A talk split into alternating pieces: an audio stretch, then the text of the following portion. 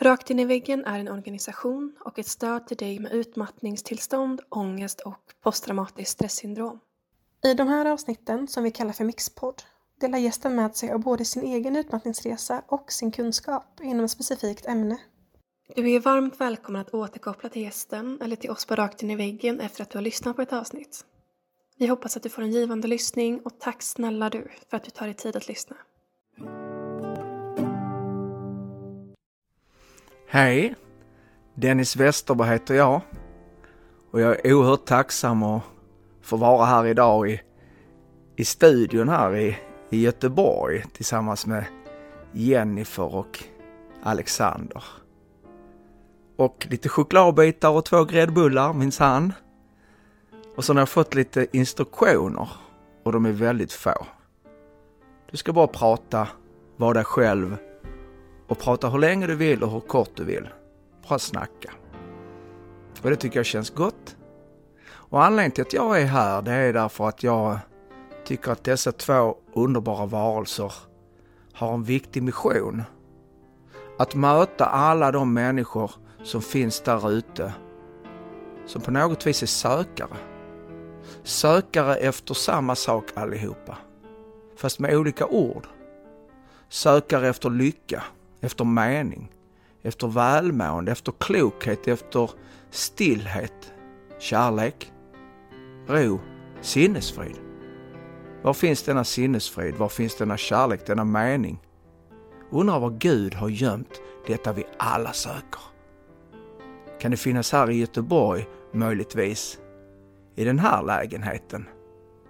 Nej, jag hittar den inte. Bäst att söka mig vidare, kanske hos grannen. Kanske hos grannens katt. Det var en vacker katt, men det finns ju ingen mening med den katten. Jag köper en katt till. Eller en båt kanske, en bil. Semester på Nya Zeeland. Hawaii, där finns lyckan. Fast det är dyrt. Tänk om man kommer dit där till Hawaii och, och hittar ingen lycka där. Kanske finns ingen mening alls, ingen kärlek, ingen sinnesfrid, ingen ro. Fast då finns det ju alltid andra sidan jordklotet. Jag menar, man kan ju alltid vara någon annanstans, någon annan gång. Jag har hört talas om att månen är en spännande plats, men det är väldigt få förunnat för att komma till månen. Där finns nog lyckan. Fast de som har varit där verkar inte så himla lyckliga, så Mars är nog nästa destination. För var finns denna lycka, denna ro, denna sinnesfrid, denna tacksamhet, denna kärlek, denna balans, harmonin, var finns den? Det vi alla söker. Och tro mig, Dennis Westerberg heter jag. Snart 50.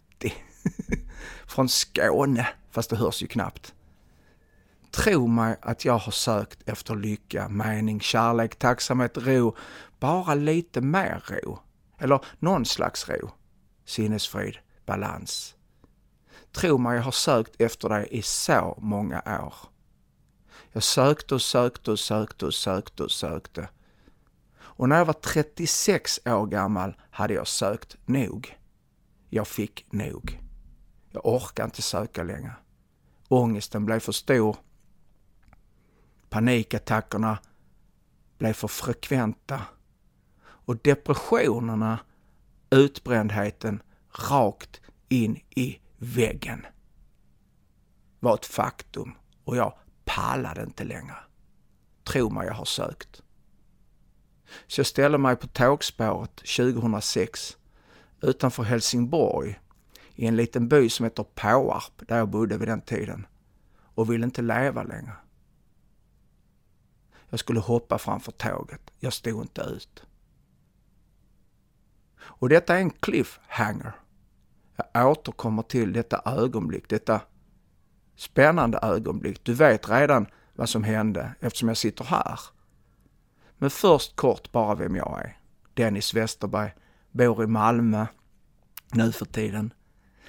Jag är gift med Lena, min andra fru, min sista fru. Det räcker nu. Tidigare gift med Pernilla i många år. Jakob och Adrian är mina söner, födda 92 och 93. Har en bonusdotter på 30 år och en ny son som heter Alicina från Afghanistan. Det är jag. Föreläsare. Årets föreläsare 2015. Prisbelönt föreläsare. Det är jag. Och sen är jag utbildare. Håller många utbildningar på väldigt stora företag. Skanska och Riksbyggen och Öresundskraft. Huvudlärare på ICA-skolan för de mest framgångsrika ICA-handlare. Det är jag. Men jag är också författare, har skrivit åtta böcker. Min senaste bok, Jag dog och fick liv igen, är nominerad till Storytel Awards. Therese Lindgren har läst in boken. Fast bara halva. Resten av boken läste Nicole Falciani in. Varför läste de bara halva? Jo, för det är ett PR-trick. Therese Lindgren är Sveriges största YouTuber och har en miljon följare. Alla hennes följare vet vem, vad min bok är för någonting. Nicole Faziani, Erik Ades flickvän, och hon är mycket mer än så, en känd instagrammer. Hon läste halva, så nu vet alla de vad min bok är också. Därför den är skriven för de unga. Vem vill läsa en bok som en gammal farbror har skrivit? Ingen. Däremot kan man lyssna på en bok som Therese Lindgren och Nicole Falciani läser in. Jag menar, det är som ett Kinderägg, två överraskningar i ett. Det är jag, författaren till den boken. Och till Bara en tanke, en annan bok som är väldigt populär. Och tidigare är jag musiker, har spelat mycket med O'boy-gubben Mr Peps Persson och en massa andra gamla farbröder. Och så är jag lärare från början. Det är jag. Berättelsen om mig. Fast jag är väl inte berättelsen. Jag är väl den som berättar. Vem är det? Jag. Denna jag. Vem är jag? Låt oss komma till det. Ytterligare en cliffhanger. 2006 var jag utbildningsledare inom något som heter yrkeshögskola idag. Jag har tagit fram ett 25-tal olika yrkeshögskoleutbildningar där den mest kända heter eventkoordinator och drivs i Landskrona. Den senaste heter 3D-printingspecialist och drivs i Eslöv. Man lär sig skriva ut prylar. Det var vad jag sysslade med i många år, att ta fram sådana utbildningar. Jag hade ett väldigt lyckligt liv på utsidan. Fru och barn och bil och en bil till. Och mycket pengar och framgång. Jag spelade ändå med Peps Persson i hans band då och då. Och så turnerade jag med en amerikansk musiker, Sam Myers. Han lever inte längre men jag turnerade i USA och jag var lycklig. Trodde människor. I alla fall på utsidan. Inne i mig så var det ångest. Ångest ända sedan barndomen. Väldigt mycket ångest. Panikattacker, återkommande depressioner. När jag var 36 år gammal så mådde jag så fruktansvärt dåligt så jag stod inte ut längre. Jag var 100% säker på hur jag mådde berodde på en kombination av orsaker. Det ena var att jag hade fel nerver. Det hade jag fått höra. Du heter ju Westerberg. Vi västerbergare har dåliga nerver. Det hade pappa sagt. Titta bara på farfar. Han drack mycket sprit och faster Maj-Britt som låg på hispan. Vi har dåliga nerver. Nerver var bara ett annat ord för gener. DNA. Det är fel på oss. En annan berättelse som jag hade för mig själv varför jag mådde så himla dåligt, det var att jag är uppväxt med en handikappad syster, Susanne, min underbara syster. Handikappad, ett funktionshinder från födseln. Det var alltid bråk hemma. Bråk, bråk från morgon till kväll och även på nätterna. Varje dag, hela tiden under min uppväxt. Det är inte konstigt Dennis mår dåligt, sa människor runt omkring mig. Han blev ju aldrig sedd som barn. Så det visste jag varför jag mådde dåligt. Jag har fel uppväxt. Och sen har jag fel personlighet också. Det måste jag ha fel personlighet. Jag har gott självförtroende, det har jag. Fast jag är lite skör innerst inne. Dennis är lite skör. Om han hade gjort ett personlighetstest, ni vet sådana där man får olika färger, så hade han inte fått röd och inte grön och inte lila, inte blå, utan han hade fått ingen färg. Han hade varit färglös, så skör var han, Dennis. Det är något fel på mig. Men ytterst så visste jag ändå vad det var, varför jag mådde så dåligt. Det var mitt jäkla skitliv. Jag var extremt svartsjuk i mitt förhållande med min före detta fru Pernilla. Förlåt Pernilla. Och förlåt också Lena, min nuvarande fru, där i början när vi träffades så fanns svartsjukan där också. Tacksamt nog är den över. Eftersom jag idag vet varifrån den kom. Då visste jag inte, men trodde att jag visste. Jag var nämligen 100% säker på hur jag mådde här inne berodde på hur det var där ute. Min svartsjuka kom ju från frun. För varje gång Pernilla sa att hon skulle ut och dansa så högg det till i magen, det kommer från dansen. Och det var ju en direkt återkoppling. När hon inte sa något så kom där ingen känsla, känslan kommer från henne. På samma vis visste jag, inom citationstecken visste, att min stress kring jobbet kom från jobbet. För varje gång jag kom till jobbet blev jag stressad. Och sen fick jag inte tillräckligt med applåder när jag spelade musik. Därför mår jag inte så bra när jag spelar musik. Och så var jag rädd för att flyga. Och det är inte så konstigt för jag vet vad som händer om ett flygplan störtar från 10 000 meters höjd rakt ner i backen så dör alla. Min flygrädsla kom från konsekvensen av att flyga om det störtar. Och så var jag rädd för att åka båt. Jag vet inte om du känner till det, men om båtar sjunker så sjunker man. Och så gillar jag inte att åka tåg. Jag vet inte om du har lagt märke till vad som händer om två tåg krockar. Jag menar, man kan ju inte sitta i, i, i bakre vagnen alltid. Det är inte säkert man får välja. Så min tågrädsla kom från konsekvensen av att de två tåg krockar. Och sen aktar jag mig för att åka bil med någon annan. Jag menar, de kanske inte kan köra. Och så var jag rädd för spindlar. Och min spindelskräck var jag 100% säker på att den kom från spindeln. Man vet väl hur en spindel ser ut för fan. Den är skitäcklig. Så varje gång det kom in en spindel i rummet så blev jag rädd det kommer från spindeln. Och så såg jag mitt liv. I över 30 år. Och mitt sätt att kunna må bra Förutom då att jag hade fel efternamn, fel DNA, fel gener, fel nerver, fel uppväxt och fel personlighet. Och fel färg, det vill säga ingen färg på dessa tester. Jimmy Åkesson däremot, han fick alla färger. Det gillar han inte, han blev ju regnbågen, det är ju lite bögigt. Det där var ett skämt. Eftersom han är ett skämt, Jimmy Åkesson. Jag har alltid varit humanist. För någonstans bortom all denna ångest så fanns det alltid någon klarhet ändå närvarande. Av kärlek, ro och tacksamhet, snällhet. Men det gömde sig bortom all ångest, oro, skräck, förtvivlan. Och nu visste jag varifrån denna skräck kom. Från frun, från de få applåderna, från tåget, flygplanet och spindeln. Och när man går på fest, det är läskigt också, om ingen vill prata med en. Så min skräck kommer från festen. Och så fick jag röd färg i ansiktet under tre år på gymnasiet, på tyska lektionerna. Och det kom ju från det jävla tyska språket, som är omöjligt att lära sig. Så ska jag behöva sitta och skämmas. Så jag var 100% säker på att min ångest, min oro, min rädsla kom från yttre omständigheter.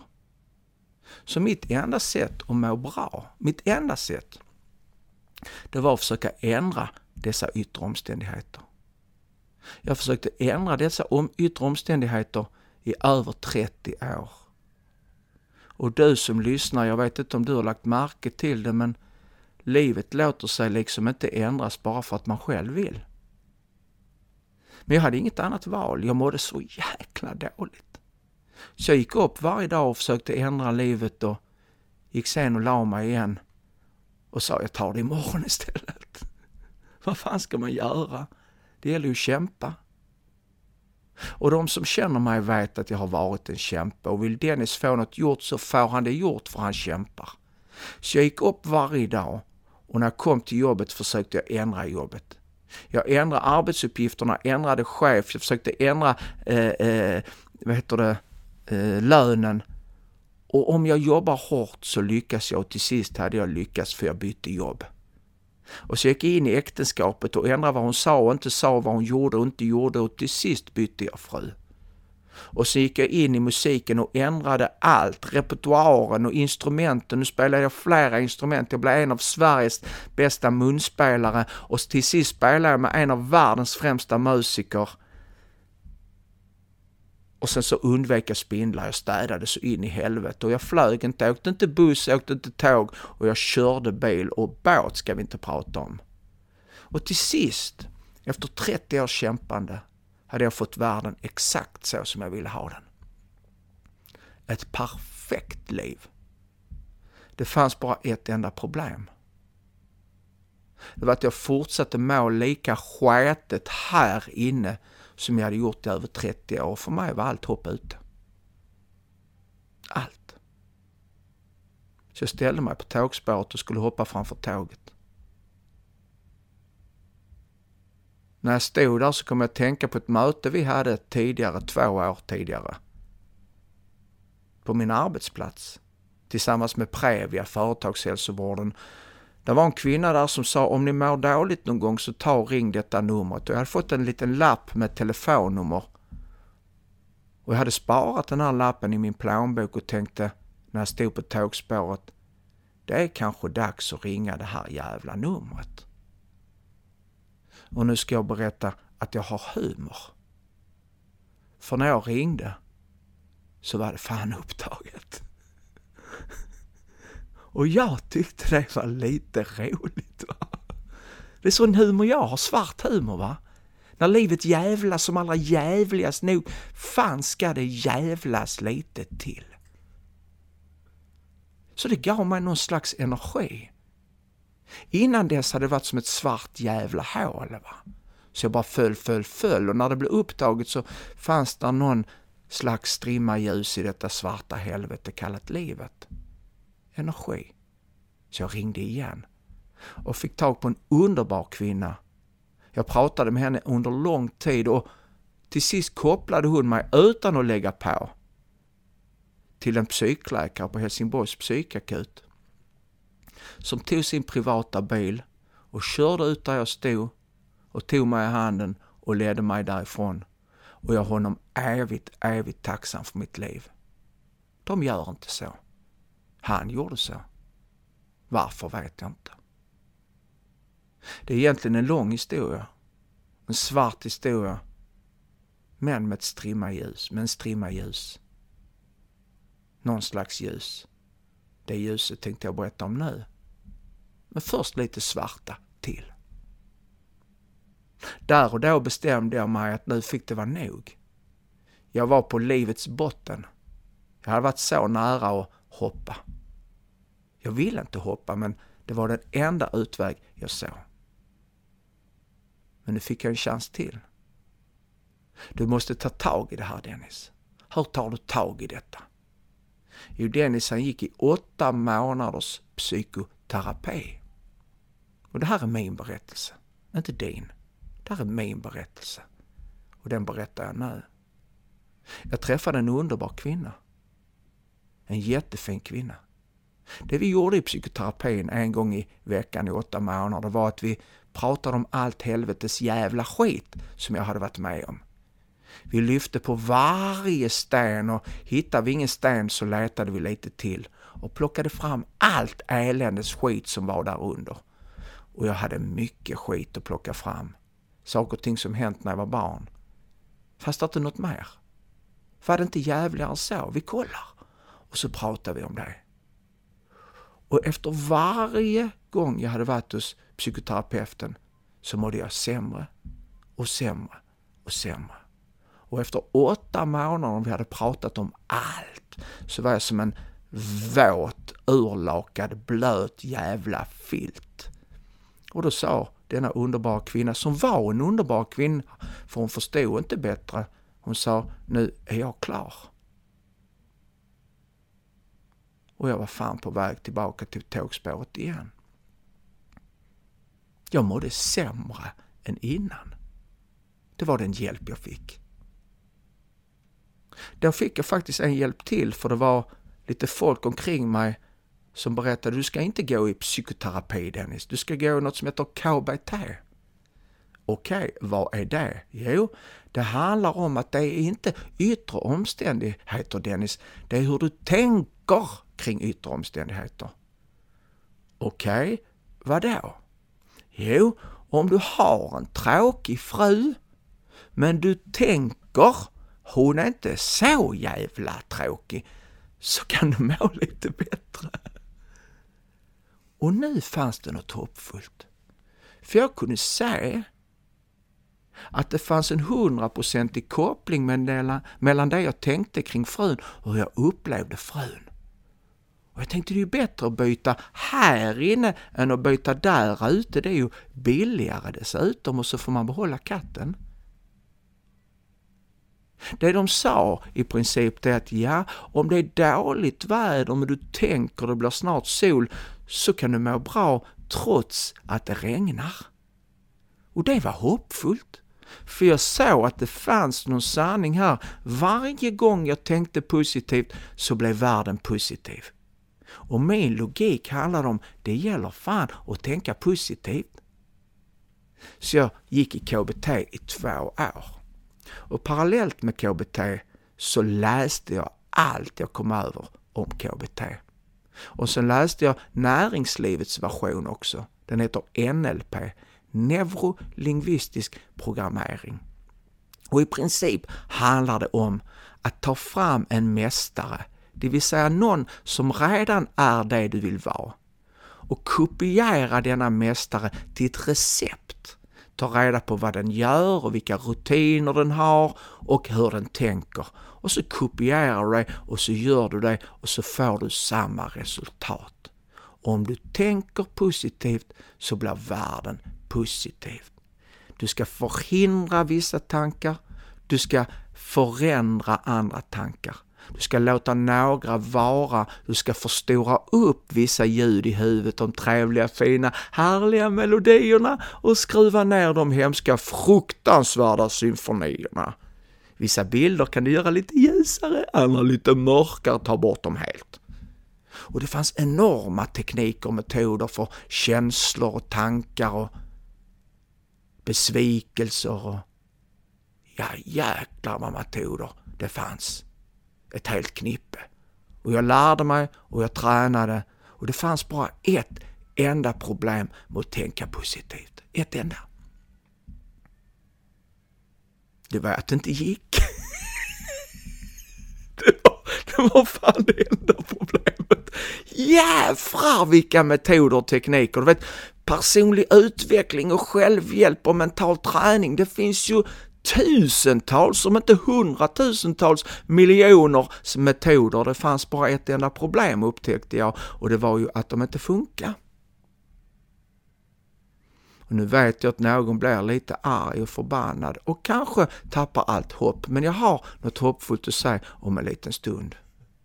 Men låt oss stanna i det hopplösa först. För många som lyssnar här är sökare. Och jag var en sökare. Ja jävlar vad jag sökte. Och jag sökte och sökte och sökte och gjorde och gjorde och gjorde. Den ena åtgärden efter den andra, behandlingen, fixandet, trixandet, självmedicinerandet, alkohol, snus, cigaretter och en handtralla på det. Och en handtralla till. Och sen skulle man basta lite också. Och sen finns det hundterapi och trädgårdsterapi och ljusterapi och lite mer ljus kanske. Och en bastu till. Och så kan du lära dig virka och knyppla, spela gitarr, munspel. Så mår du lite bättre. Ta bort skärmarna. Ta bort mobilen. Låt mobilen vara utanför sovrummet och så springer du en runda, Gå på gymmet, spring lite till. Lite till ska du springa. Och sen lite mediciner, läkemedel på det. läkemedel som man inte har en aning om vad de gör och varför, men ta lite till och sen ström i huvudet. Det finns ju enormt med metoder. Och så skär du dig över armarna och så äter du allting du kan. Bara kasta in i huvudet. Eller så låter du bli att äta. Ät ingenting. Ät glas. Och jag har träffat dem alla. Det är det jag jobbar med. Två gånger i veckan träffar jag de som mår allra sämst. De med tvångstankar, depressioner, schizofreni, psykoser, ätstörningar, ätstörningar, ätstörningar, Mariana. Vi gör allt för att må bra. Och hittar vi inte en metod så skaffar vi en ny till. Och jag hade testat så mycket. Och nu fick jag det som psykologin hade att erbjuda, det bästa av det bästa. KBT. Och jag vill inte säga att, ja men funkar en cigg för dig, ta en cigg. Funkar det att trycka i dig sju hamburgare, gör det. Jag vill inte vara någon dömande. Det här är min berättelse. Som vissa kan lyssna på och andra kan stänga av nu. Jag har fått förtroendet av Alexander och Jennifer. För det kommer av kärlek. Jag har något hoppfullt att berätta. Ett väldigt hoppfullt. Så när jag hade hållit på med allting i så många år, alla metoder och tekniker. Jag funderade på allvar att ta och bygga en bastu i trädgården. Ta in grannens hund, ta en toj och en cigg och en handtralla och tralla lite till. Så kanske man når 100 procent va? Och bygga ett gym där inne dessutom. Och låta det vara lite ljus insläpp till fönstret. Så kanske man närmar sig 100%. Jag skulle kunna nöja mig med 80% glädje. Då kanske jag får springa lite till. Och ni som lyssnar, jag vet om du är en av de som söker så känner du den här frustrationen. Men vad ska jag göra då? Vad har du för metod då, Dennis? Jag har ingen metod. Jag vill inte ställa den frågan, vad ska jag göra? Jag tänkte istället berätta min berättelse, vad som hände med mig. För bortom den berättelsen finns något väldigt hoppfullt. Om du är beredd att lyssna och lägga alla metoder, tekniker, behandlingar åt sidan för en stund. Inte på riktigt, bara som en övning. För en stund. Och lyssna. När jag var 39 år, och detta är alltså 11 år sedan, så var jag liksom helt slut. Psykodynamisk terapi, KBT, NLP, mental träning, mindfulness och sen äta mycket, äta ingenting och sen en massa andra jävla skit. Vissa av dem vill jag inte ens berätta här. En dag såg jag ett videoklipp på nätet. I mitt sökande. Det var en man som tittade rakt in i kameran så sa han “You have bought into the wrong model of the world” och jag blev oerhört nyfiken. Det betyder på svenska “Du har inte förstått ett enda dugg grabben”. och jag tänkte vad fan är det jag inte har förstått? Och sen sa han de magiska orden. En mening. Och när han hade sagt den meningen så försvann ångesten som alltid varit i min kropp. Den hade känts i så många år som spindlar som kröp genom kroppen. Ibland lite mer krypande ibland lite mindre, men alltid varit närvarande i bakgrunden, denna ångest. Och så säger han en mening, denna man. Och så försvinner all ångest och har aldrig kommit tillbaka. Och om jag hade berättat den meningen nu, vad han sa, så hade det inte betytt någonting för dig. Du hade bara blivit besviken. Istället tänkte jag berätta vad var det jag upptäckte. Därför orden i sig är oviktiga. Jag tar dem sen för att du ska få dem. Bara som en gåva, själva orden. Men det var vad som fanns bortom orden, det jag fattade, det jag insåg, det jag begrep som var betydelsefullt för mig. Och det tänkte jag berätta nu på ett annat sätt. Den enda stund som överhuvudtaget existerar för oss människor är nu. Den enda stund som överhuvudtaget finns är det pågående ögonblicket nu. Från det vi föds till det vi dör är det alltid nu. Från vaggan till graven, alltid nu. Lägg märke till nu, du som lyssnar. Vilken stund är det? Nu, alltid nu. Upplevelsen av livet däremot kommer och går. Människor kommer och människor försvinner. Bussar kommer och bussar försvinner. Och även spårvagnar dyker upp emellanåt. Nu när man är i Göteborg. Och sen är de plötsligt borta. Känslor kommer och går. Tankar kommer och går. Natten kommer och går. Morgonen kommer och går. Upplevelsen dyker upp och försvinner. Men stunden som saker och ting upplevs är alltid detsamma. Nu. Lägg märke till nu. Och här kommer den första utmaningen i den här podden. Försök hitta startpunkt på nu. Tyst för dig själv. När började nuet? Inte min röst i denna podd, utan själva nuet. Skit i mig. Och det är okej okay att misslyckas med övning ett, man får alltid en andra chans när man inte hittar startpunkt på nu. Så låt oss kolla, kan du hitta slutpunkt på nu? När är skiten över? Och det är okej okay med två misslyckandes också. Det finns varken startpunkt eller slutpunkt på nu. Så vad är det som får dig att tro att det finns fler? Om du inte ens kan hitta startpunkt på det pågående? Det finns ett nu. Lägg märke till det, så ska jag berätta något oerhört spännande. Det betyder att framtiden inte finns. Ingenting av framtiden existerar nu. Inte en millimeter, inte en millisekund. Inte för att jag säger det, utan för att det är sant. Och det var till och med sant innan jag sa det. Men lita inte på mig, en människa du aldrig träffat och inte vet någonting om. Låt oss kolla efter ihop. Vi börjar med nästa julafton. Kan du uppleva den nu? Och jag ska fråga om frågan för de trögfattade, för det kan finnas människor i min ålder som lyssnar och vi har blivit lite dumma i huvudet ibland. Så är det nästa julafton nu? Nej, jag tänkte väl det. Kanske skulle haft tomtemask idag då. Nästa påsk, kan vi uppleva den nu? Nästa månads möte? Nästa veckas möte? Morgondagens möte? Stunden ikväll? Mitt förslag är att ingenting av framtiden existerar nu överhuvudtaget alls. Det enda sättet nu att på något vis komma åt framtiden, det är om du tänker på den. Men pass på, det är inte framtiden du kommer åt när du tänker på den.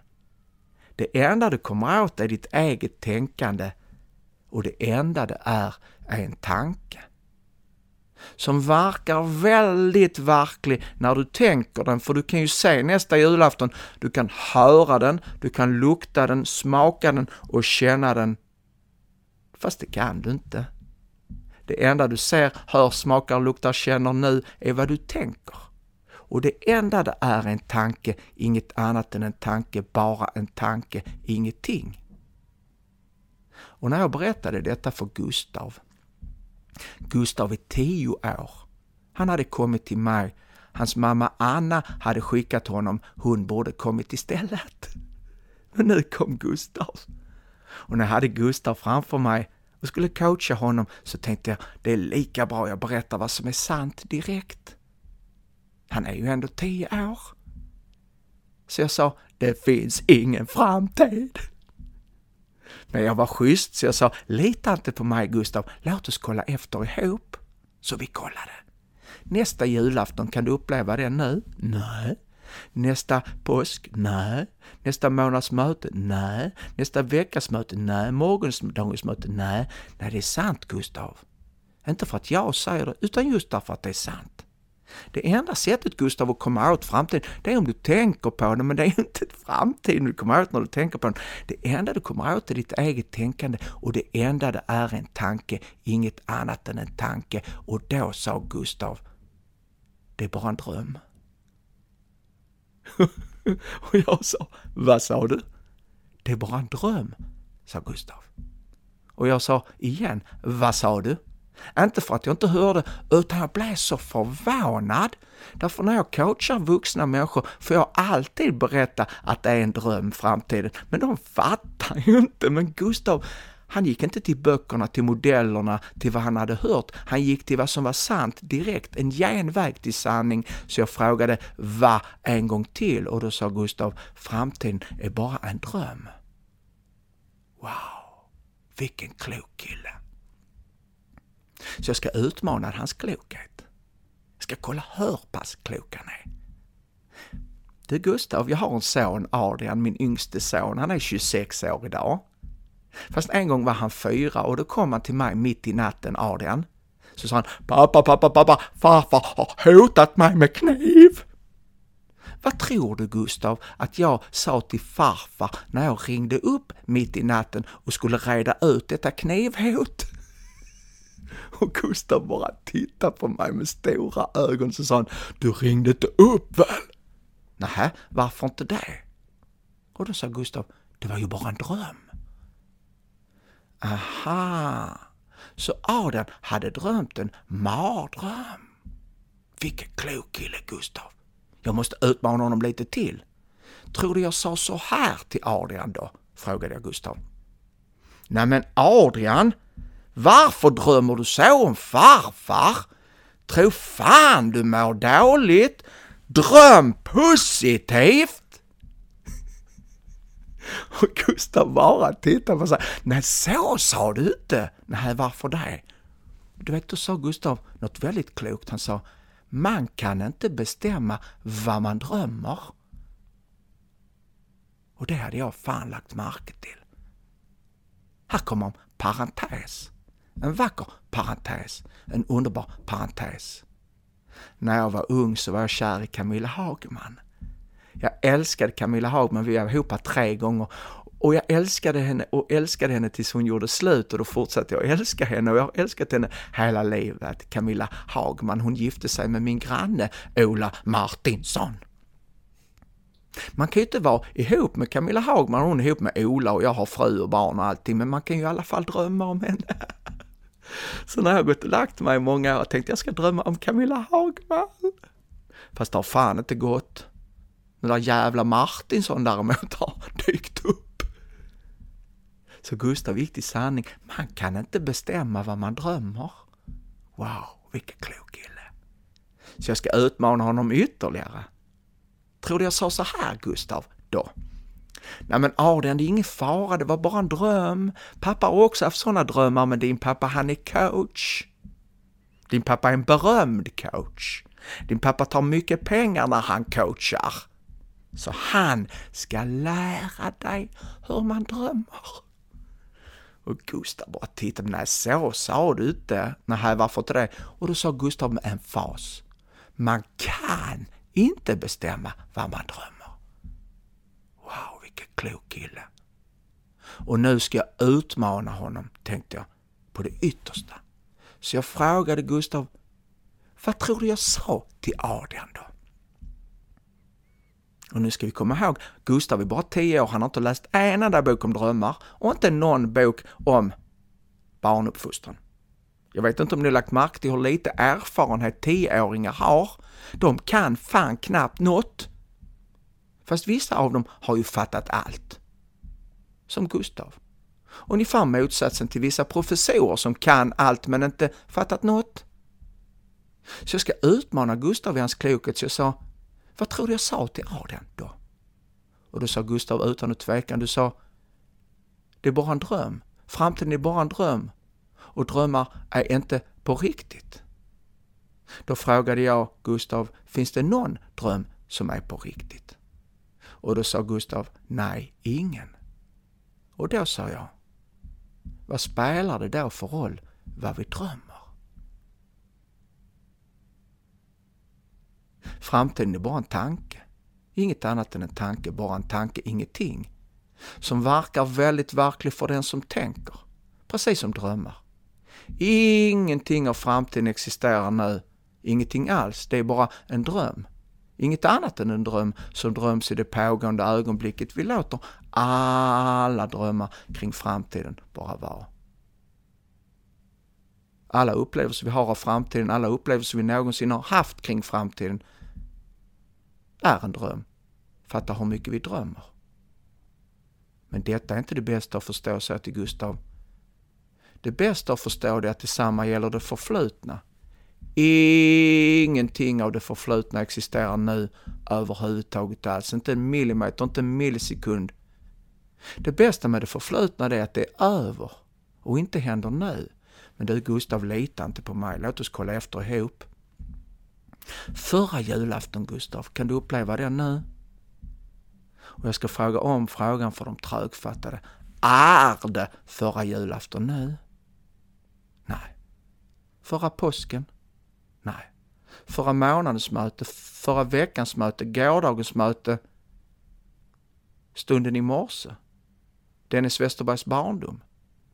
Ingenting av det förflutna existerar nu. Det enda sättet att komma åt det förflutna det är om vi tänker på det.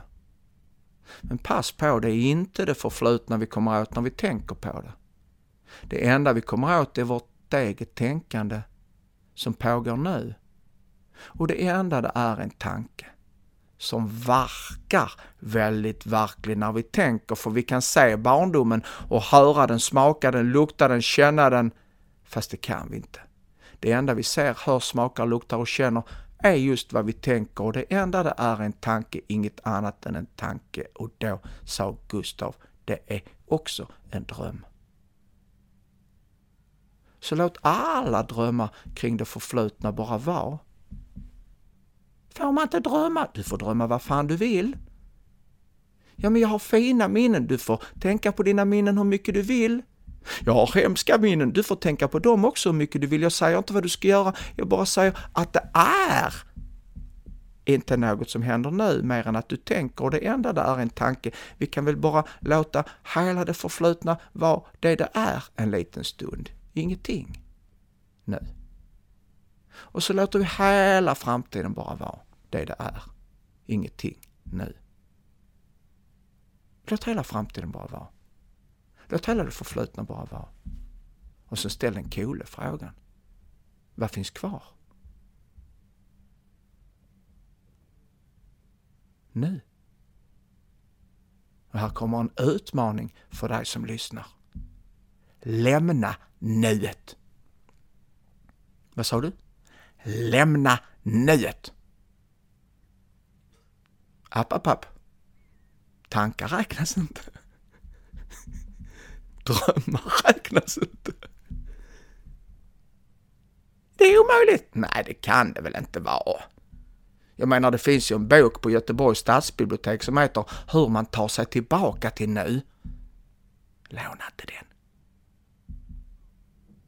Det är omöjligt att lämna nu.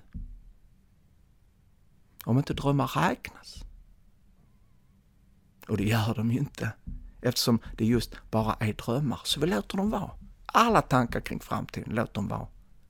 Alla tankar kring det förflutna, låt dem vara. Man får tänka, men det är bara tankar, låt dem vara. Och vad du än tänker om Dennis är jag inte. Jag har ingen tanke, så låt alla tankar kring Dennis vara.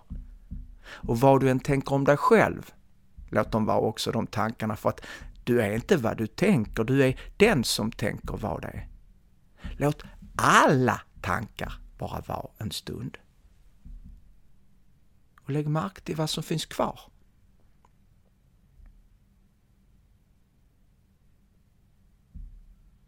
Hur mår du nu? Bra. Sluta med det då. Må skit nu! Fast app, app, app. Tankar räknas inte.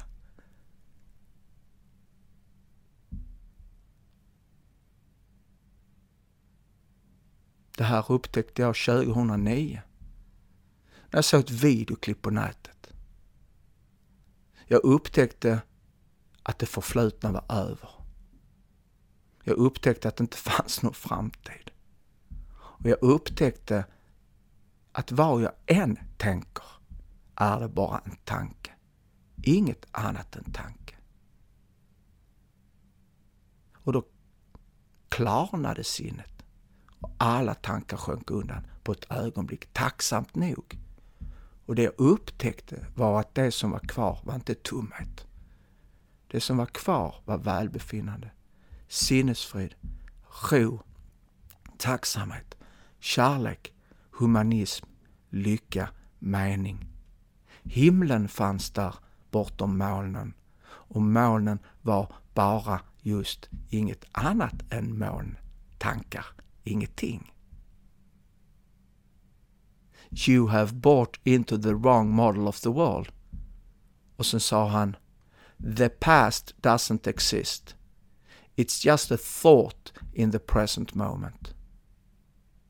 Och för dig betyder det nog ingenting.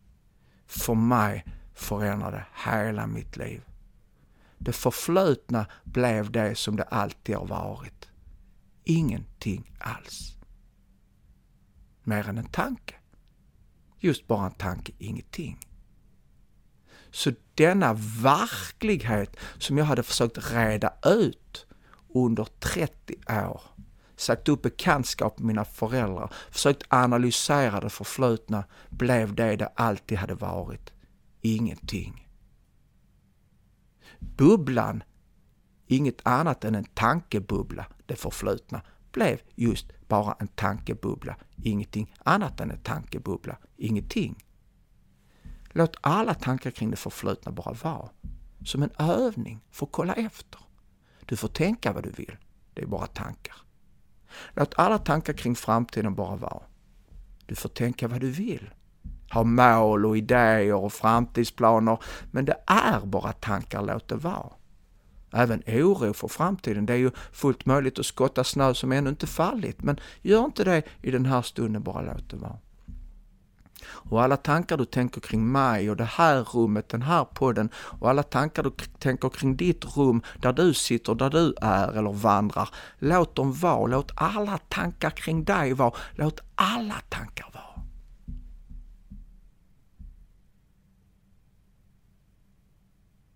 Jag upptäckte på ett ögonblick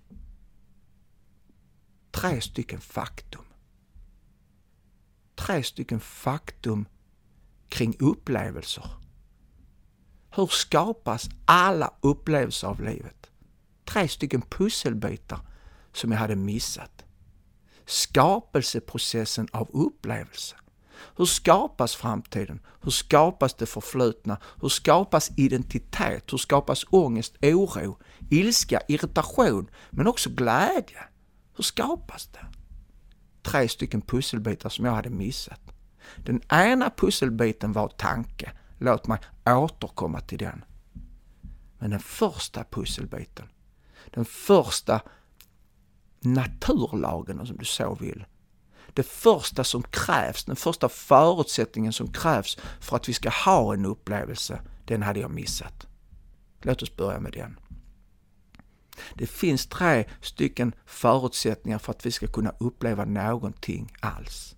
Och den första förutsättningen är så självklar så vi tar den som banal men den är fundamental. Och det är svaret på frågan Är du vid liv? Vadå? Är du vid liv? Ja, ja men vänta lite, kolla efter att du är vid liv. Finns det något levande i allt levande? Skillnaden mellan en sten och en hund? Finns det något ljus som ser ut genom ögonen? Det som alltid varit där. Inte lampan, utan själva strömmen. Har du detta ljus i dig? Det behöver inte vara så ljust, utan jag pratar om att du är vid liv. Det är faktum att du är vid liv.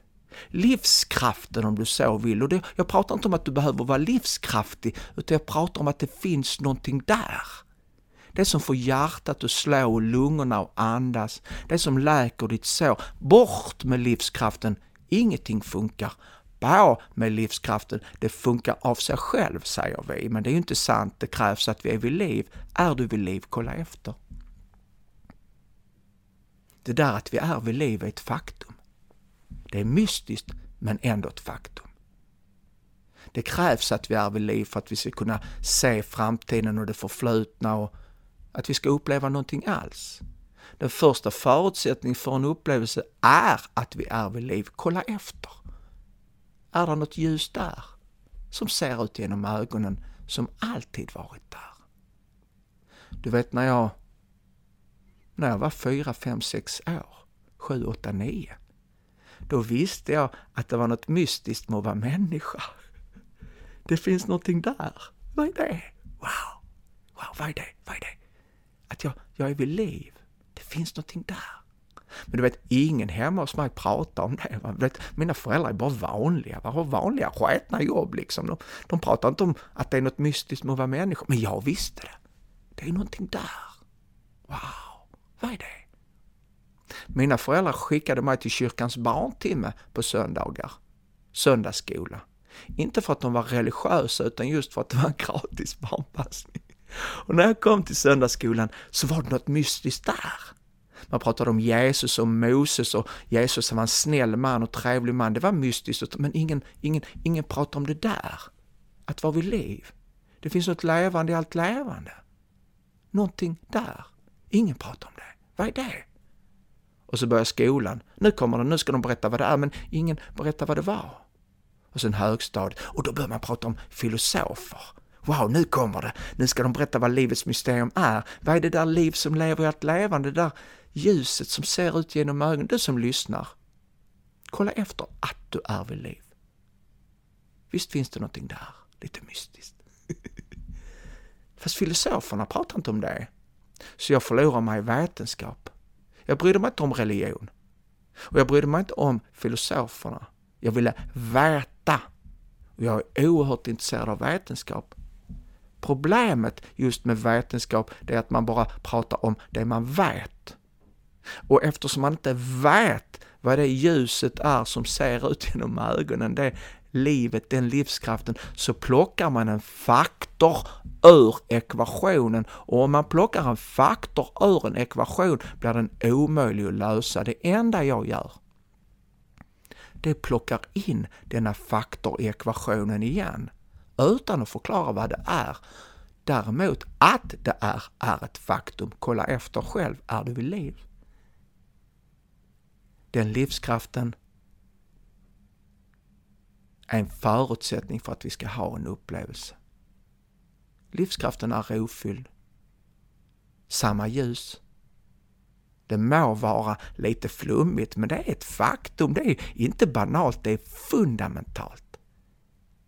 Jag brukar skoja med läkare när jag föreläser för dem. Ibland har jag en 50-60 läkare framför mig och brukar fråga dem, jag ska snart prata om psyket, men om vi börjar att jag pratar om kroppen, jag har ett sår här på handen, så brukar jag pilla på det då framför dem. Så säger hur ska jag läka detta sår? Och de brukar säga, du, du slutar pilla på det. Och så gör jag det, men det läker fan inte. Då säger de, du måste ha tålamod, det tar längre tid än så. Och jag tar tid och står där en minut, men det läker inte såret. Då säger de att det tar längre tid än så och då blir jag otålig och frågar varför läker såret? Vad är det som gör att sår läker? Och då svarar de vita blodkroppar och röda blodkroppar och sen en jävla massa kemi och jag orkar inte lyssna. Så jag säger nej, jag är inte intresserad av gissningar, jag är intresserad av principen bortom läkning. Vad är det enda som krävs för att såret ska läka och inte en jävel kan? Då brukar jag ge dem en ledtråd. Min mormor sår läker inte. Vad fan har hon för sjukdom? Vad är det för sjukdom? Jag ser dem grubbla. Nej, nej, nej, hon har ingen sjukdom. Hon har varit död ett tag, den kärringen. Och då är det någon som säger, ja man måste vara vid liv. Som om det vore banalt. Det är ju fundamentalt. Inget liv, ingen läkning va. På med liv, det läker av sig själv, fast det är ju inte sant. Det krävs detta liv. Livskraften läker såret. Får hjärtat att slå. Livskraften var det som fick dig att krypa och sen gå och prata. Livskraften är det som rör dina armar, sköter hela systemet. Bort med liv, inget funkar. Vi är denna livskraft.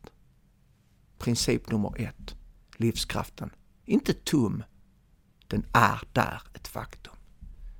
Det är det första som krävs för att vi ska kunna ha en upplevelse, livskraften.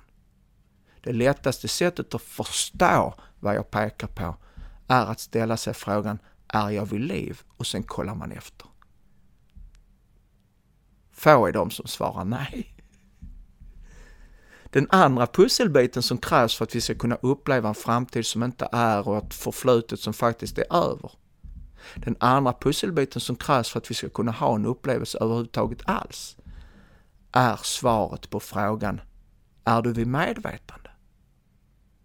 Kolla efter.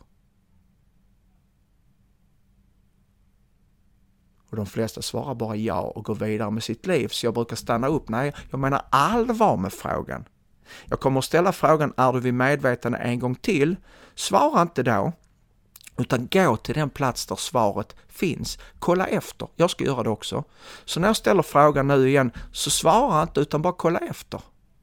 Är du vid medvetande? Kolla efter.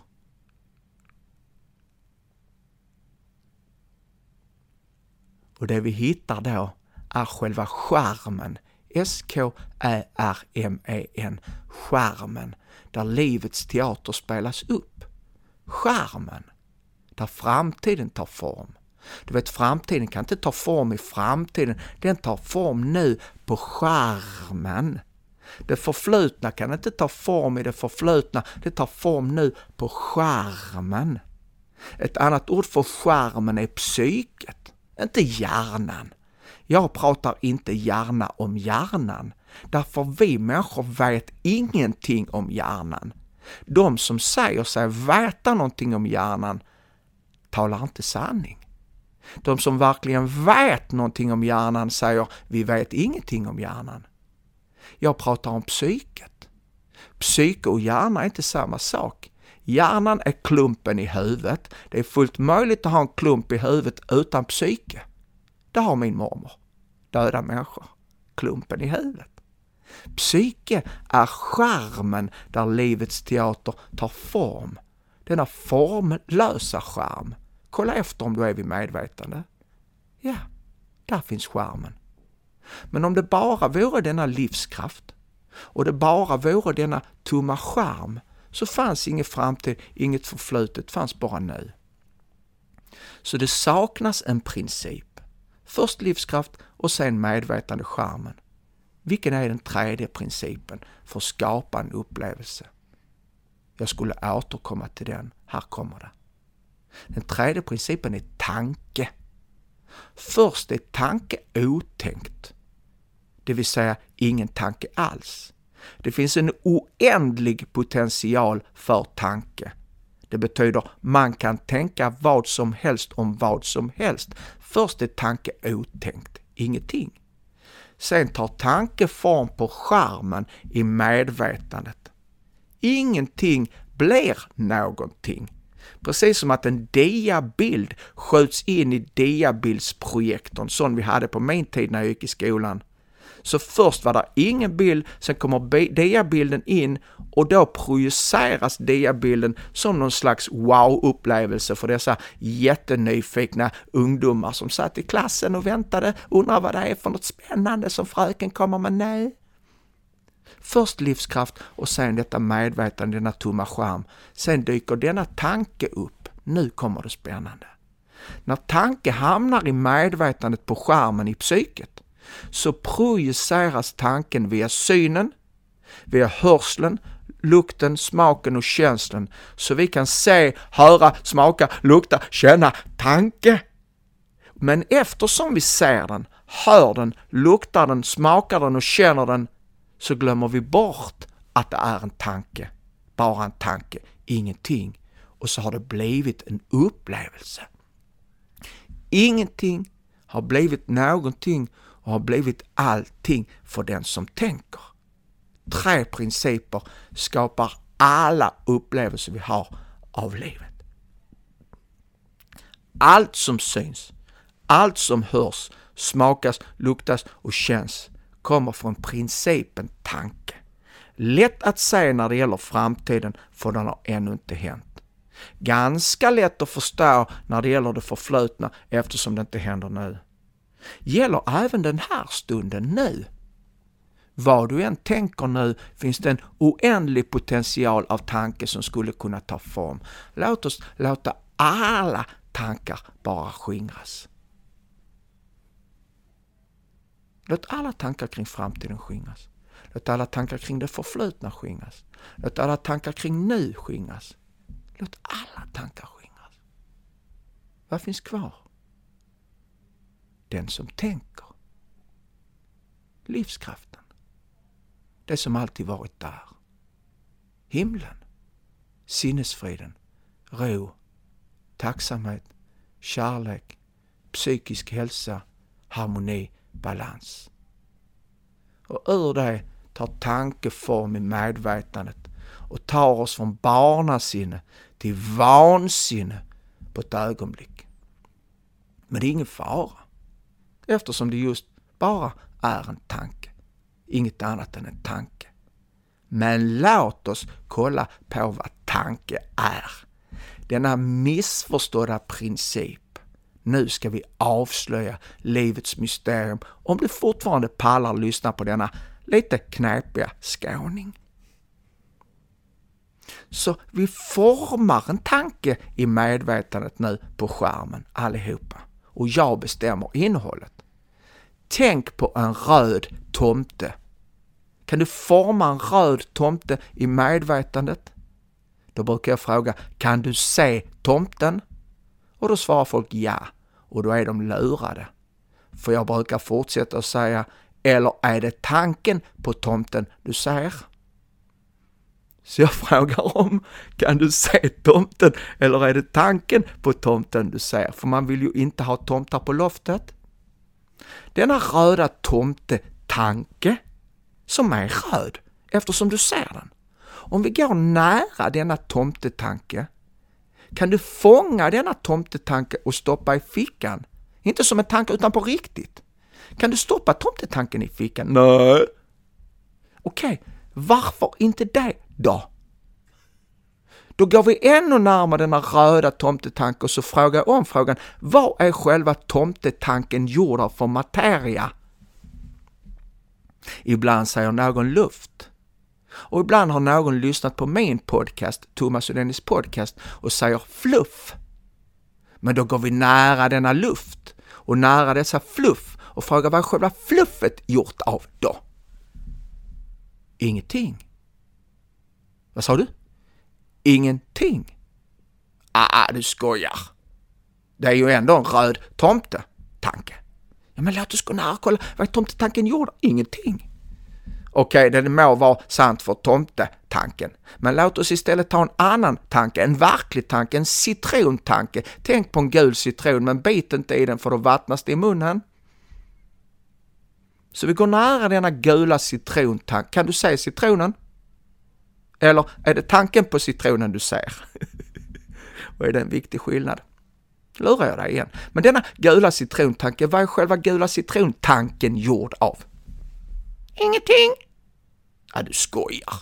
Nej, det är ingenting. Okej. Okay.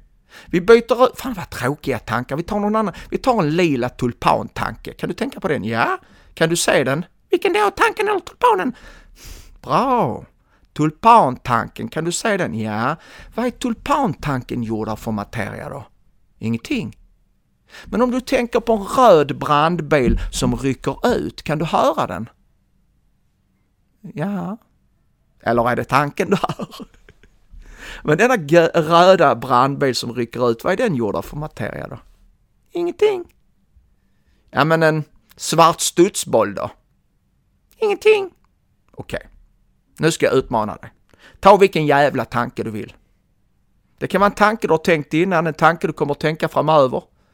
Ta en tanke som du har tänkt eller en tanke som du aldrig har tänkt. Ta en otänkt tanke, ta en otänkbar tanke som är otänkbar att tänka. Ta vilken jävla tanke du vill. Jag har bara ett krav. Den får inte vara gjord av ingenting.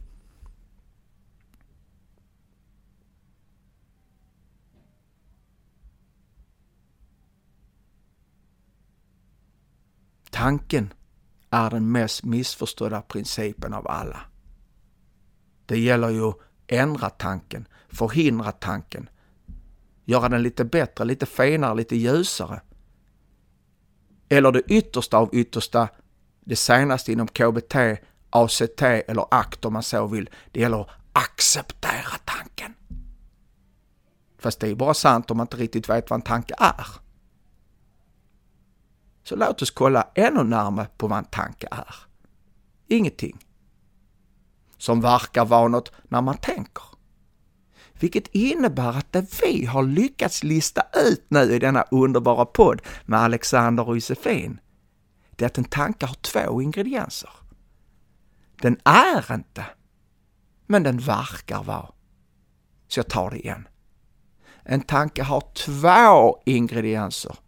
Den är inte, men den verkar vara. Och det påminner lite om en hägring. Man går i öknen och så ser man vatten. Och så springer man fram till dessa, detta vatten och upptäcker att det är inget vatten. Fast det verkar ju vara. Tanken påminner inte bara om en hägring. Tanken påminner om en regnbåge. Den är inte, men den verkar vara. Vadå inte är? Den är väl? Nej, nu är det så att när jag var liten så fick jag höra att det fanns en skattkista vid regnbågens slut. Jag trodde inte riktigt på det, men det är bäst att kolla efter. Så jag cyklade till regnbågen och blev dubbelt besviken. Det fanns ingen skattkista där. Men det fanns heller ingen regnbåge. Den bara verkade finnas där. Så nu du som lyssnar, här kommer en riktig utmaning för dig. Snälla ta den. Du är på väg till ett möte, ett viktigt möte. Du cyklar till mötet och om du kommer för sent till mötet kommer de hugga huvudet av alla du älskar. Ditt liv och deras liv hänger på att du är i tid. Det finns en väg dit, det är denna cykelbana som du cyklar på och du är ute i god tid. Fast när du nästan är framme så täcks hela jävla cykelbanan av en regnbåge. Vad ska du göra?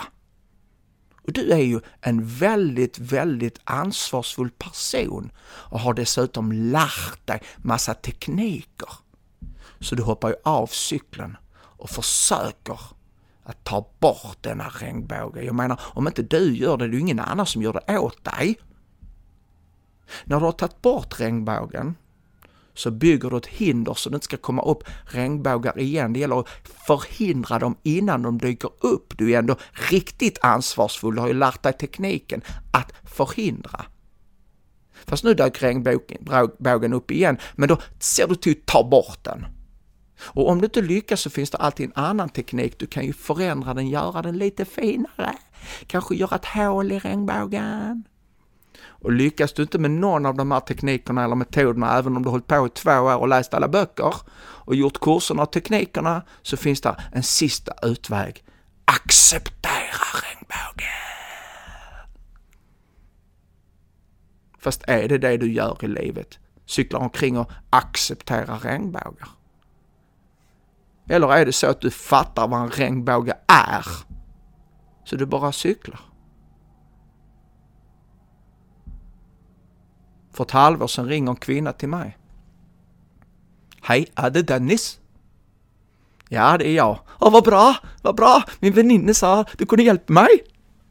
Okej, ja det vet jag inte. Jag har en liten stund nu. Vad vill Kan du hjälpa mig? Ja, jag vet inte. Vi, vi får väl se. Vad, vad, vad, vad vill du ha hjälp med? Jag kan icke åka buss. Okej. Okay. Och jag ville vara snäll, så jag frågar, har ni inga bussar i Norge? Vad sa du? Har ni inga bussar in? Ja, men jag kan inte åka dem! Okej. Okay. Men du, var är du nu? Jag är hemma. Ja, men om du tar och promenerar bort till, till busshållplatsen så kom... Jag kan inte! Nej, jag tänkte... Sitter du i ro... Nej, jag kan inte, det kan komma terrorister! Jaha, så du är hemma och tänker att det kan komma terrorister eh, eh om du åker buss? Ja! Jaha, så du är hemma och du tänker att det kan komma terrorister? Ja, jag vill inte det! Ja, du vet, det kan inte jag hjälpa dig med. Och så blev det helt tyst. Vad sa du?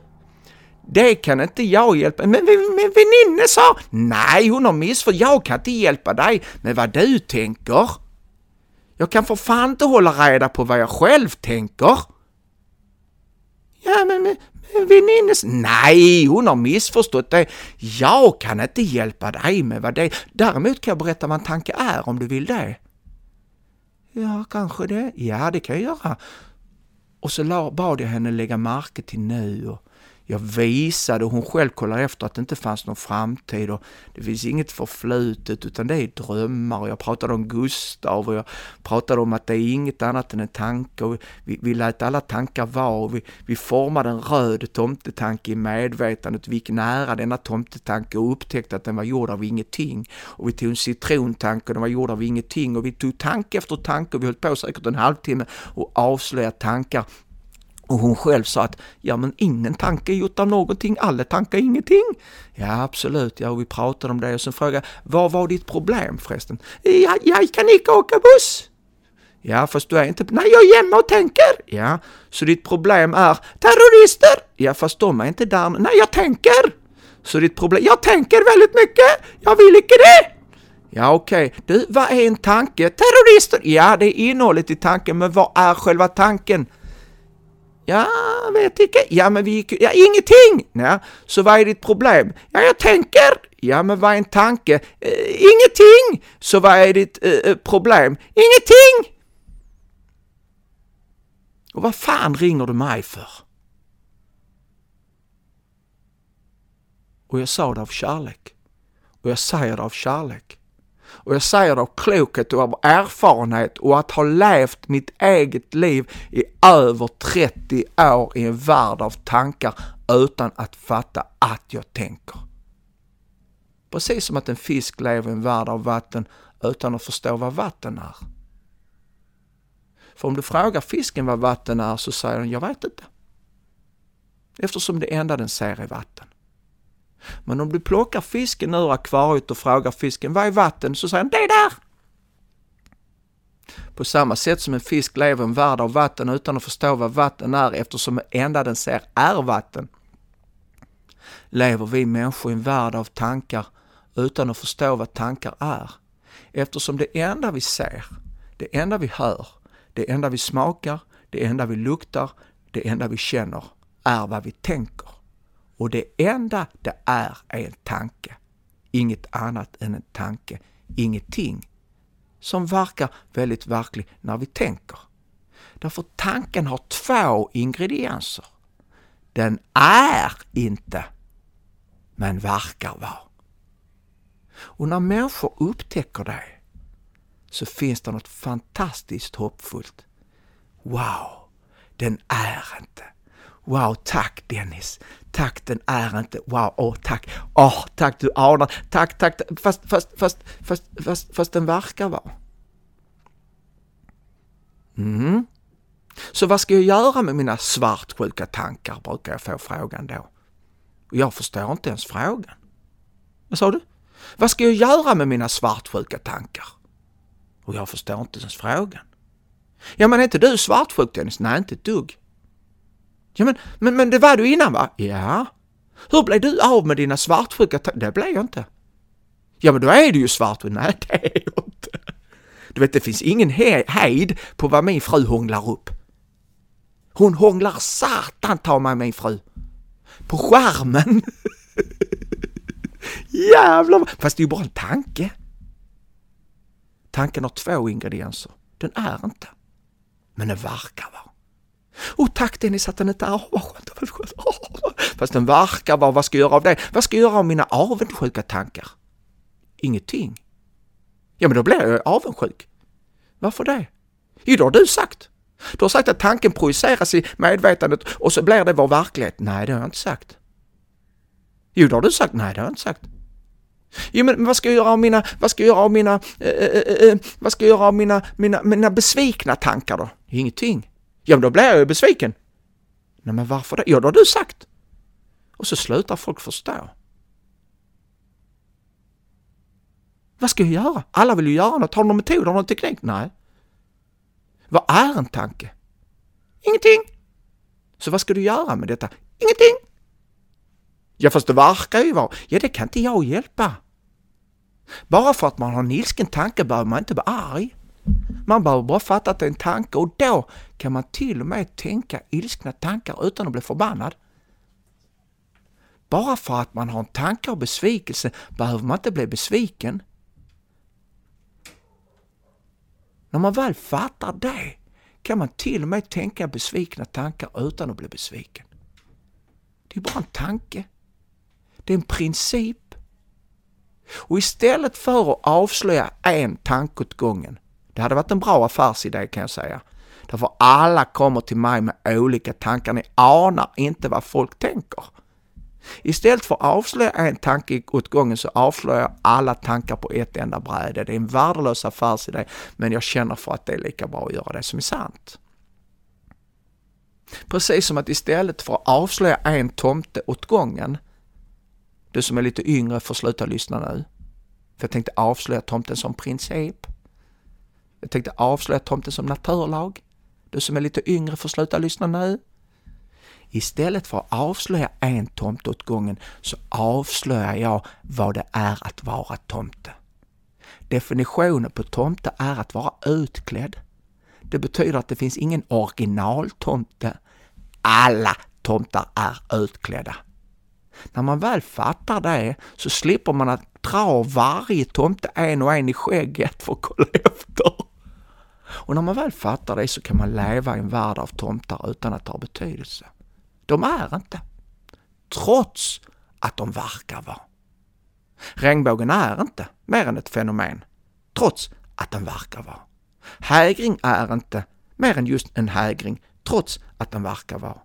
En dröm är inte mer än en dröm, trots att den verkar vara. Och en tanke är inte, trots att den verkar vara. En gång tänkte jag, jag ska tvätta händerna tio gånger efter jag har pinkat. Vet du vad jag gjorde? Ingenting. Tvätta en gång, det räcker. Det är bara en tanke. Men jag coachade en kille, han hade tänkt att jag ska tvätta händerna 50 gånger innan jag pinkar, 50 gånger efter jag pinkat och 50 gånger under tiden som jag pinkar. Vet ni vad han gjorde? Mm. Han pinkade på sig.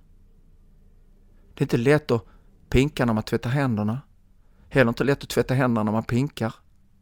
Det enda han behövde förstå, det var att det var en tanke. Inget annat än en tanke, ingenting. Känslor kommer från tankar. Tankar skapar känslor. Glad tanke skapar glad känsla.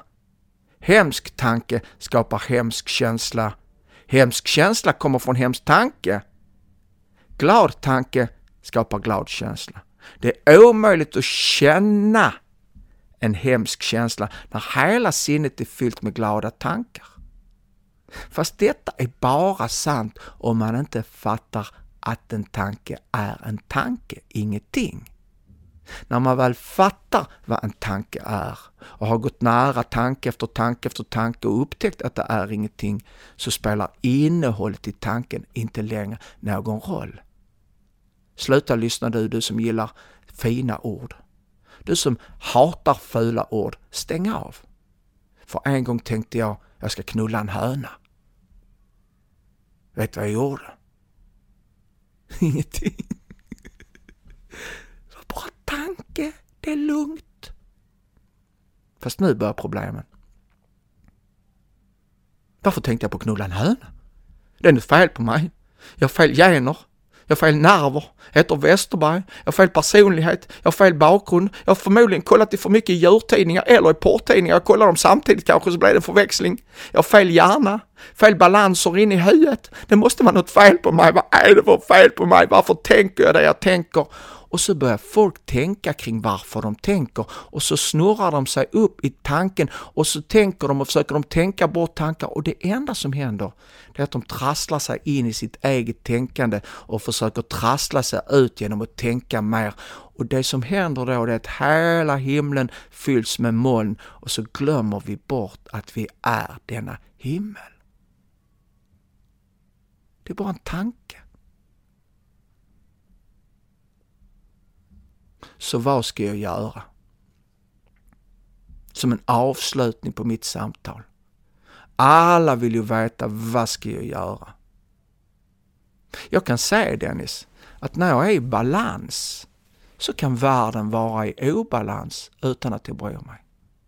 Jag kan också säga att när jag är i obalans så kan världen vara väldigt balanserad men ändå har jag inte förmågan att känna tacksamhet och ro. Jag kan säga att hur jag upplever världen är beroende av klarhet eller oklarhet i sinnet. Om jag är klar i sinnet och har inget tänkande så är det alltid bara nu. Sinnesfrid, ro, tacksamhet, kärlek, klokhet. Jag kan också se att när väldigt mycket tänkande som pågår i sinnet så känner jag stress, press, oro. Är det oroliga tankar så är det ångest, ängslan. Är det glada, pigga tankar och huvudet fullt av dem så är det ingen sinnesfrid där, det är övertaggad. Så ganska snart kan alla människor se när man väl kollar efter att när vi har klarhet i sinnet så är det allt vi behöver. Och när vi har väldigt mycket tänkande så står tankarna i vägen för klarheten. Och då frågar sig folk den frågan vi ska undvika. Hur ska man ta sig från oklarhet till klarhet? Och då börjar vi gå fel redan. Ta en cigg, ta en snus, ta en handtralla, umgås med hundar, undvik hösten, eh, tänd ljuset, byt jobb, byt fru, byt man, håll frun hemma, håll mannen hemma. Och så kommer alla tekniker och metoder. Bara för att vi ställer frågan fel. Vad ska jag göra för att ta mig från detta vansinne till detta barnasinne?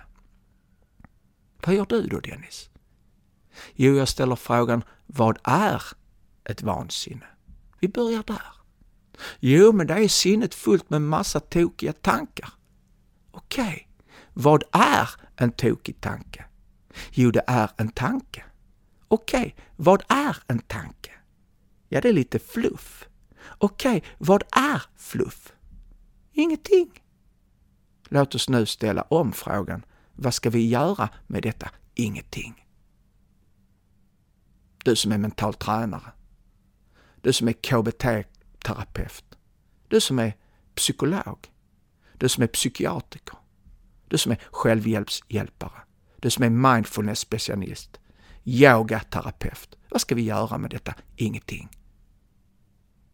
Mitt förslag är att åtgärdsparadigmet är över och att insiktsparadigmet tar vid. Låt oss titta på att avslöjandet kring livets mysterier är avslöjat. Hur kan den psykiska ohälsan i vår del av världen vara så stor som den är nu? Trots att vi har så många psykologer, så många psykiatriker, så många kuratorer, beteendevetare och socionomer. Vi har fler forskningsrapporter än vi någonsin har haft. Vi har fler vetenskapliga rapporter, vi har fler mediciner, vi har fler metoder än vi någonsin har haft. I kombination med att vi har högre levnadsstandard nu. Vi har det bättre än vi någonsin har haft. Vi har fler cykelhjälmar, bättre vägar, hårdare arbetsmiljökrav, bättre materiellt ställt. Hur kan det vara att den psykiska ohälsan i vår del av världen ökar? Mitt förslag är att vi har missat tre väldigt, väldigt fundamentala principer. Ett, att vi är vid liv. Livskraften. Kolla efter att du är vid liv. Det finns någonting där. Friskhet, sinnesfrid, självförtroende, ro, tacksamhet och kärlek. Alltid närvarande. Två, att vi är vid medvetande. Medvetande är skärmen där livets teater tar form. Ett annat ord för medvetande är psyke. Och psyket är formlöst, det kan bara formas om. Om du tar ett spett och slår in i hjärnan så går hjärnan sönder. Min syster har en hjärnskada. Men om du tar ett spett och slår in i psyket, i denna formlösa del av att vara människa, så händer ingenting. Det är en enorm skillnad på hjärna och psyke. Psyket kan aldrig någonsin skadas. Det kan bara omformas från barnasinne till vansinne. Och den tredje principen som vi har missförstått, tanke. Vad är en tanke? Ingenting, men verkar vara något. Så vi har en tanke nu som har två ingredienser. Så är inte, men verkar vara. Så här kommer själva examen på min, Eh, mitt gästspel. Här är examen, här är provuppgiften. Här har jag en underbar tanke och här är en fruktansvärd tanke. Vilken tanke vill du ha?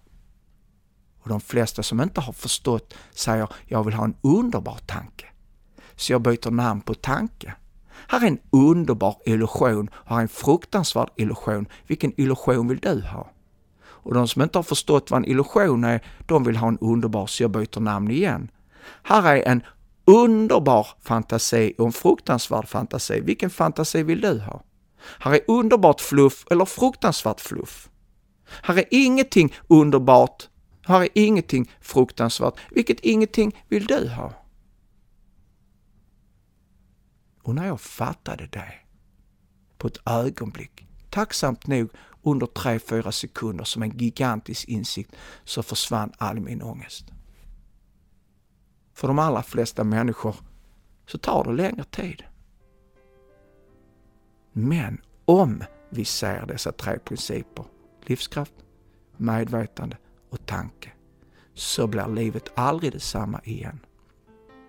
Och jag är oerhört tacksam dels för att få vara här i den här underbara podden, i detta fina rum och få prata med er och få stjäla er tid. Men jag är också tacksam därför att bortom dessa tre principer så finns det något oerhört hoppfullt för alla människor.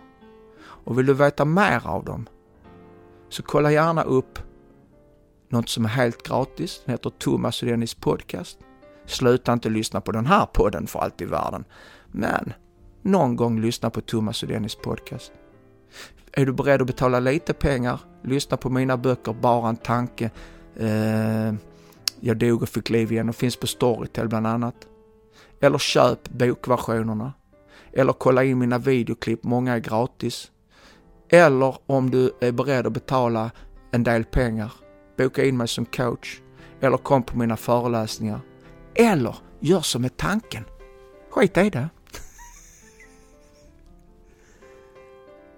Jag heter Dennis Westerberg. Jag är oerhört glad att jag fick stjäla en liten stund av ditt liv. Den enda stund som finns. Nu. Lägg märke till nu. Bara nu. Vill du också medverka i Rakt in i väggens podcast? Besök i så fall vår hemsida för mer information på www.raktiniveggen.se medverkan. Om du vill tipsa oss om en poddgäst eller om du har en fråga eller synpunkt på det vi gör så kan du alltid mejla oss på info raktinivaggen.se för att få svar.